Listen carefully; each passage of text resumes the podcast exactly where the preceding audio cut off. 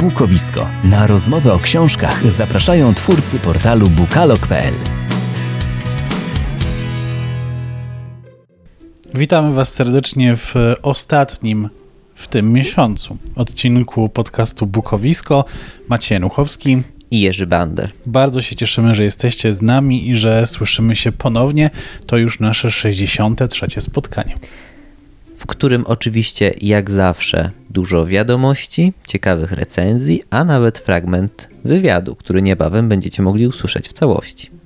Zatem nie ma co przedłużać, zaczynajmy. W końcu świat literacki i filmowy doczekał się premiery filmu Duna na podstawie powieści Franka Herberta o tym samym tytule. Ekranizacja wyreżyserowana przez Denisa Villeneuve'a jest jedną z najgłośniejszych premier tego roku i była z dawna wyczekiwana, o czym świadczy pozytywny odbiór filmu i bardzo duża oglądalność, również w Polsce.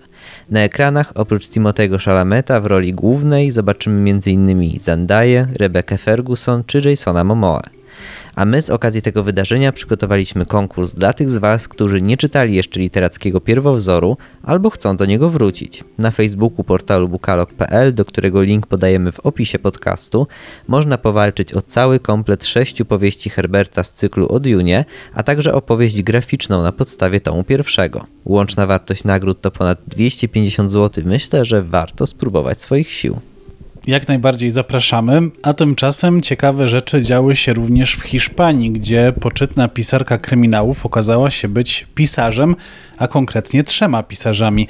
Carmen Mola była bardzo dobrze wykreowanym alter ego, miała być kobietą po 40, która pisała pod pseudonimem, tłumacząc, że prowadzi codzienne życie, nie mając nic wspólnego z literaturą. Nowa powieść Molly została nagrodzona nagrodą literacką Planeta Prize o wartości miliona euro. Na uroczystej gali wręczenia nagrody okazało się, że pod pseudonimem kryją się trzej mężczyźni, pisarze i scenarzyści serialowi Agustin Martinez, Jorge Diaz i Antonio Marcero. Fakt ten wywołał małą burzę w literackim świecie, ponieważ niektórzy oskarżają ich o celowe przybranie żeńskiego pseudonimu, by sprzedawać więcej książek, promować je i udzielać wywiadów jako pisarka.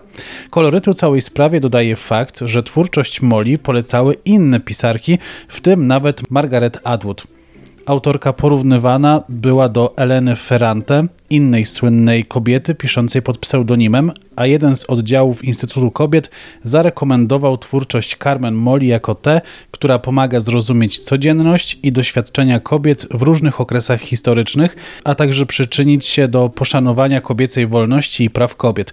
Autorzy odpierają zarzuty twierdząc, że po prostu chcieli wydawać książki pod jednym nazwiskiem, a wybór kobiecego alter ego był przypadkowy. Nowa, nagrodzona powieść pod tytułem La Bestia thriller historyczny ukaże się w hiszpańskim wydawnictwie Planeta, ponieważ taki właśnie jest warunek przyznania nagrody.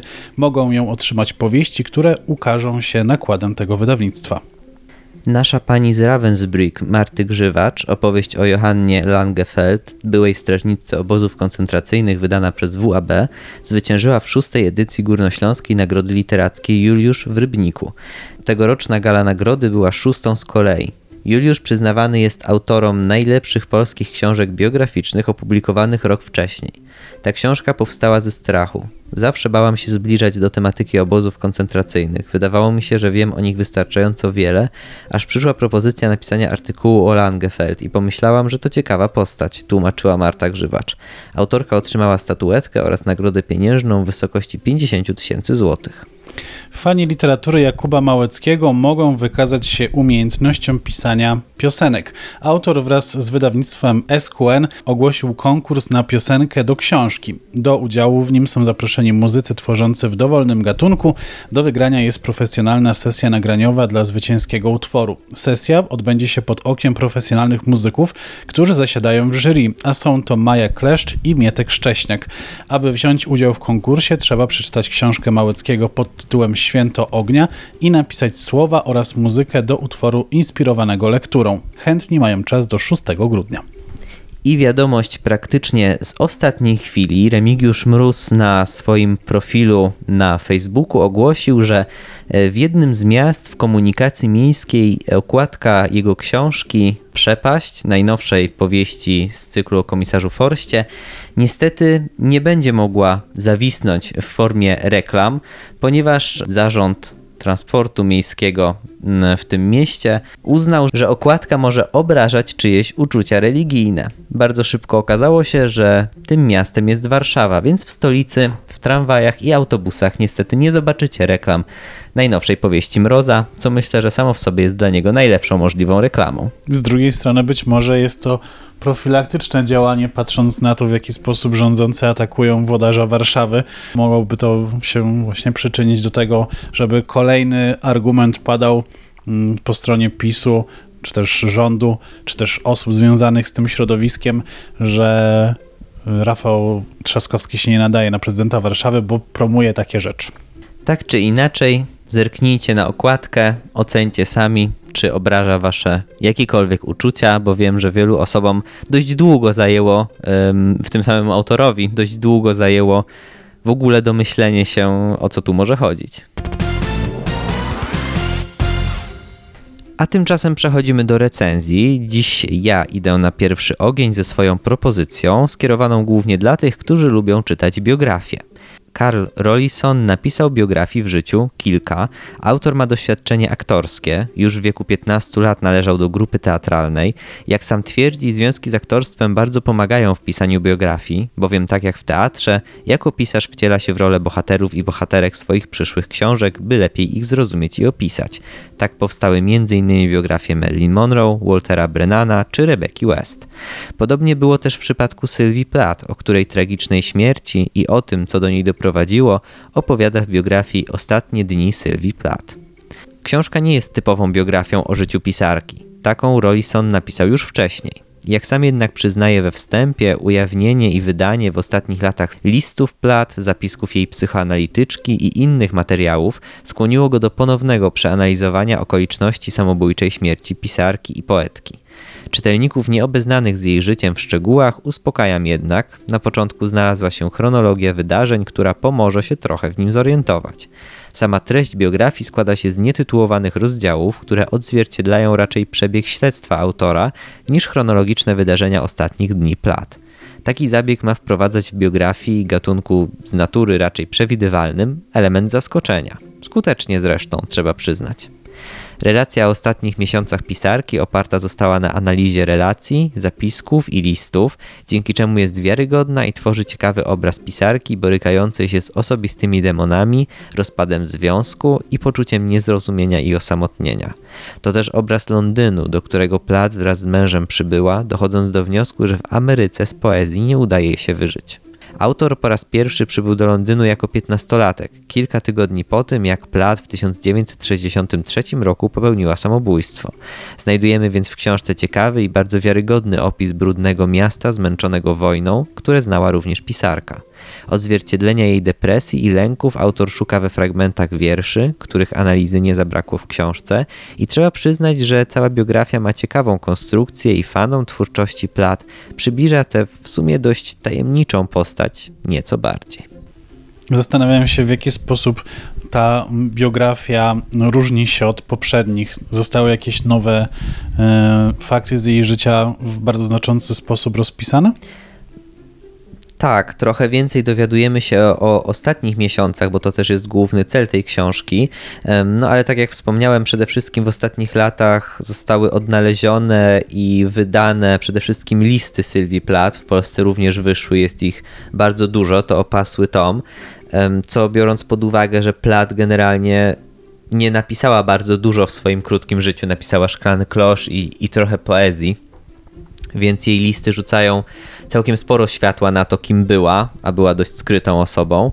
E, no a drugim takim ważnym źródłem, do którego autor dotarł, są notatki z psychoanalizy Plat i z jej leczenia, więc no, te dwa źródła pozwoliły trochę więcej się dowiedzieć o tym, co w końcu doprowadziło autorkę do samobójstwa. To też był niezwykły zbieg okoliczności, że on przybywał do Londynu wtedy, kiedy ona umierała. Znaczy tuż po tym jak umarła, on miał wtedy 15 lat, więc oczywiście nie Mówię po... o pewnym okresie. Tak, tak, ale rzeczywiście pamięta to miasto z tego samego okresu, e, a też e, w opisie biograficznym autora w książce jest tak to fajnie napisane, że wtedy przyjechał do Londynu pierwszy raz i była to pierwsza z ponad 40 podróży, które odbył do tego miasta, a tak samo jak Platt pochodził z e, przedmieść amerykańskiego miasta, więc jakby dużo ich łączyło i czuć, że jego też dużo łączy z tą postacią, mimo że oczywiście nie mieli szans się poznać. Na rynku wydawniczym ukazują się ponownie pierwsze tomy serii Stajnia w pieńkach Izabeli Frączyk. Jest to spowodowane tym, że autorka właśnie wydaje swój czwarty tom tej serii, a poprzednie się wyprzedały i wydawca postanowił o wznowieniu oraz przy okazji o ujednoliceniu okładek wszystkich części. Pierwszy tom nosi tytuł Koncert cudzych życzeń i właśnie o nim chciałbym wam powiedzieć. Sprawdzone przyjaciółki, dobrze płatna praca i kochający facet. To wszystko ma Magda, która teoretycznie jest zadowolona ze swojego życia. Do czasu, gdy w drzwiach jej mieszkania stanęła teściowa z walizkami, a to dopiero początek nieoczekiwanych zmian w życiu głównej bohaterki. W spadku po babci otrzymuje stadninę koni w pieńkach, która okazuje się podupadającą i zadłużoną ruiną i w tym momencie życie postanawia dać kobiecie wybór. Jeżeli chce coś w nim zmienić, to to jest właśnie odpowiedni czas. Izabela Frączyk w lekkim stylu wprowadza nas w pierwszym tomie w życie głównej bohaterki. Trzeba przyznać, że moment, w którym ją poznajemy, jest dla niej chwilą niezbyt szczęśliwą, nie tylko ze względu na sferę zawodową, ale i prywatną. Wprowadzenie się teściowej jest dla niej od początku trudnym przeżyciem. Matka męża już od pierwszej chwili zaczyna wprowadzać swoje zmiany, choć gospodyni tak łatwo nie daje za wygraną i próbuje teściową hamować w urządzaniu im życia. Teściowa to dewotka, która wraz z podobnymi jej koleżankami reprezentuje to, czego nie lubimy, za czym nie przepadamy. Z jednej strony rozmodlone staruszki, a z drugiej wielkie plotkary omawiające życie innych i mające na wszystko dobrą radę. Przy okazji oczywiście znające też kogoś, kto postępuje inaczej w danej sytuacji, w ich mniemaniu lepiej od omawianej osoby, której zachowanie u dewotek powoduje wzburzenie. Teściowa to też przebiegła lisica, która wykorzystuje sytuację, by mieć wpływ na swojego syna.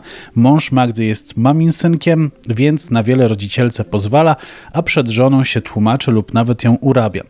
Kiedy okazuje się, że Magda otrzymuje spadek po babci, z którą przez wiele lat nie utrzymywała kontaktu, jej mąż i teściowa są w niebo wzięci.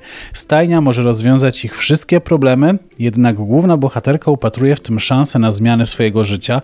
Okazuje się, że spadek przyszedł w odpowiednim momencie, kiedy Magda jeszcze ma odwagę na to, by coś zmienić i może pozwolić sobie na spróbowanie czegoś nowego, nowego życia.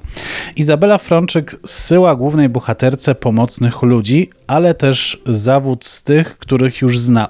Zacznijmy od tych pierwszych. Właściciel hotelu, przystajni w Pieńkach, jej pracownicy i lokalny weterynarz. To osoby, na których Magda może polegać. W mniejszym lub większym stopniu raczej, jeżeli mogą, to nie odmówią jej pomocy, a są wśród nich też i tacy, którzy mają rozwiązanie na prawie każdy jej problem. Druga grupa to osoby, które w główną bohaterkę nie wierzą, chcą ją wykorzystać lub nawet zdradzają.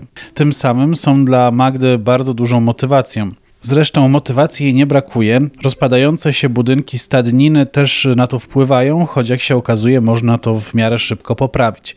W tle rozgrywa się też osobista historia Magdy, kiedy ona i jej siostra były dziećmi, ich ojciec z dnia na dzień zostawił je i ich matkę dla innej rodziny. Wtedy urwał się też kontakt z babcią, która jak się okazuje o wnuczkach nie zapomniała. Magda myślała, że babcia nie chce już ich więcej widzieć. Dziewczyna kochała babcię, ale musiała się pogodzić z jej decyzją. Po latach okazało się, że babcia szukała z nią kontaktu, ale listy, które pisała, wracały, bo adresat nie przebywał we wskazanym miejscu. Seria Stajnia w Pieńkach od pierwszego tomu wciąga, to za sprawą kilku rzeczy. Bez wątpienia jest to styl autorki, która przyjemnie operuje słowem. Historia rozdzielonej rodziny jest intrygująca, a aktualne wydarzenia wzbudzają naszą ciekawość. Kibicujemy Magdzie i mamy nadzieję, że uda jej się przywrócić blask stadniny. Ponadto mamy do czynienia z momentami humorystycznymi, dzięki którym co jakiś czas uśmiechamy się pod nosem. Stajnia w Pieńkach to miejsce, do którego warto się udać. Sporo opowiedziałeś o tej książce, ale sporo pozostaje jeszcze do powiedzenia, ale też trzeba tu powiedzieć, że trochę zdradziła ci autorka podczas rozmowy. To prawda, dużo powiedziała. Natomiast e, to, co jest w mojej recenzji, to co też ona powiedziała w trakcie rozmowy ze mną, czy też wywiadu, e, który przeprowadziłem z nią, to jest kropla w morzu tego, co ona zgotowała głównej bohaterce i też kogo wymyśliła, kto może jej pomóc albo zaszkodzić. Teraz będziecie mieli okazję posłuchać fragmentu tego wywiadu. Mam nadzieję, że wzbudzi w Was e, ciekawość. A czego Izabela Frączyk musi się nauczyć? Czego ja się muszę nauczyć. Mhm. W tej chwili Bogu dzięki niczego, bo już wszystko wiem na temat moich bohaterów i tego, czym się zajmują aktualnie. Ale jak wiadomo, bywało różnie. Bywało różnie. Musiałam się nauczyć, jak się zarządza stacją narciarską, jak się buduje kolej linową, jak się zarządza stadniną, jak się hoduje strusie i tak dalej, i tak dalej. Więc moje nauki mm, są takie bardzo interdyscyplinarne, że tak powiem, bo ja nigdy nie wiem, y, co wymyśli mój bohater. Bo jak wymyślił, że będzie hodował strusie, ja w życiu strusia nie widziałam, tak? A tu się trzeba nauczyć. Bo bohater pojawia się niestety, albo stety, w komplecie razem ze swoim zawodem, razem ze swoim otoczeniem, ze swoimi znajomymi, ze swoją przeszłością, z fizjonomią i on jest tak jak nowy człowiek, nowy znajomy, który się pojawia w naszym życiu.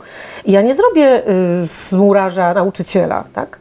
To mu- będę musiała się trochę podszkolić z murowania, tak? A propos strusi, to właśnie to jest pierwszy tom serii e, Stajni w Pieńkach, natomiast e, już niebawem wychodzi tom czwarty. Czy tam też pojawiają się strusie? Czy one nadal czy tam jeszcze Nie, są? one są cały czas. No w Stadninie jest tej menażerii strasznie dużo. W pierwszych trzech tomach było o tym bardzo wiele, włącznie z galopującą krową, którą udało się mm, osiodłać i ujeździć, e, z, właśnie z tymi nieszczęsnymi strusiami, których musiałam się bardzo, bardzo dużo nauczyć. Jest cała masa takiego drobiazgu mm, drobiowego, czyli są, są e, kury normalne, są kaczki, są liliputki, są e, no właśnie te, te proporcje tych jajek od takich pycik do takich olbrzymich, Mm, więc jest tam tego, tych zwierząt y, sporo, oczywiście jest kucyk, no są, jest cała masa koni, więc tych zwierząt jest tam y, sporo. Dla tych, którzy słuchają nas, e, tylko poinformuję, że moją gościnią jest Izabela Frączyk. Sobie napisałem, że autorka, która tryska pozytywną energią, humorem, a czytają ją książ jej książki zarówno kury domowe, jak i motocykliści. Tak jest, idealnie, po prostu w punkt. E, Czy któryś z tych bohaterów e, tej serii jest e, prawdziwy? W realnym życiu istnieje? Jest. Jest, jest to stajenny zdzichu, taki, mm, on jest taką trochę zakałą w tej stajni, bo ta nasza Magda, która dziedziczy stajnię z całym tym dobrodziejstwem inwentarza, czyli mówiąc krótko, z całą tą y, zrujnowaną y, posiadłością, no ma tam jeszcze stajennego i ten stajenny to jest taki, mm, taki powiedzmy za- zapijaczony, niespecjalnie taki karny, no ale jest, ona cały czas chce się go pozbyć jakby, ale cały czas się zdarza coś takiego, że, że on musi być, że ten zdzichu tam jest. Mm, I okazuje się, że on jest postacią bardzo lubianą. E, A skąd on się wziął? Otóż istnieje taki stajenny, ma na imię Mietek. Właśnie w Stadninie, w której pisałam e, tą, tą trylogię Stajnia w Pieńkach, on tam pracuje. I on przyszedł, e, przyszedł do mnie i mówi, słuchaj, ale co, co ty tam piszesz książek? Jaką ty książkę teraz piszesz? Bo słyszałam, że piszesz o Stadninie. Ja mówię, no tak. A wiesz, ale to umyśl mnie w tej książce, ale takiego, jakim jestem naprawdę. No więc został zgodnie z życzeniem właśnie tym naszym zdzichem. I mój mąż, jak po lekturze y, tej stajni w pieńkach mówi, wiesz co, to ja bym mu tego nie dawał do przeczytania. ale on jest rzeczywiście prawdziwy, ale na swoje własne życzenie. A przeczytał książkę? Nie, on Nie. nie, czyta książek, Okej. na szczęście. A z opowieści chociaż wie, jak, jak został przedstawiony? Nie no, pytał, czy jest taki jak naprawdę? Tak. Uwierzył na słowo. To, co przydarzyło się głównej bohaterce od samego początku, e, pokazuje pewien stereotyp, czyli kobiety, która wyszła za mąż i e, bardzo jest uzależniona od swojego męża, a właściwie bardzo mm, jej mąż ma posłuch u niej, ale wychodzi na niezależną kobietę. Co się musiało stać w jej głowie, żeby, żeby ten proces zaszedł? Znaczy Magda, y, w sumie niczego jej nie brakowało do szczęścia, prawda? Miała męża, miała y, piękne mieszkanie, miała pracę spokojną, ustabilizowana sytuacja życiowa no, była tym, co miała na co dzień. Tylko Magda niestety przegapiła pewną rzecz w swoim życiu, mianowicie pos- pozwoliła teściowej wejść sobie na głowę. Gdyby na początku y, jakby wy- wyznaczyła pewne nieprzekraczalne granice, to by się nie stało, to by się nie wydarzyło. Tymczasem y, jej było tak właściwie wygodnie, że teściowa z nimi zamieszka, że ugotuje, że no, właściwie y, akceptowała to, ale do pewnego momentu, kiedy mówię, ta granica wtrącania się w życie syna i, y, i ta właśnie taka, mm, taka naiwność syna i, i, i takie pozwolenie tej matce, żeby rzeczywiście weszła z butami w związek, no to właściwie przeważyło, że Magda stwierdziła, że powiedziała po prostu dość. Dość, a tu się okazało, że, okazało, że wcale nie jest, nie jest tak super. Ja słuchałem oczywiście całego wywiadu, kiedy był nagrywany i muszę wam powiedzieć, że tak jak nie lubię powieści obyczajowych specjalnie, tak styl autorki i to w jaki sposób opowiadała o swojej książce mi wydał się zachęcający. Mam nadzieję, że i wam się wyda.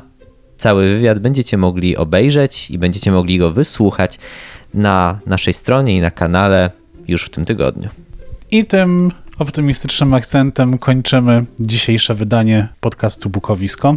Za tydzień przyjdziemy do Was oczywiście z listopadowymi zapowiedziami, bo szykuje się nam najpierw długi weekend związany ze świętem, a później pierwszy listopadowy odcinek. W zaduszki się spotkamy.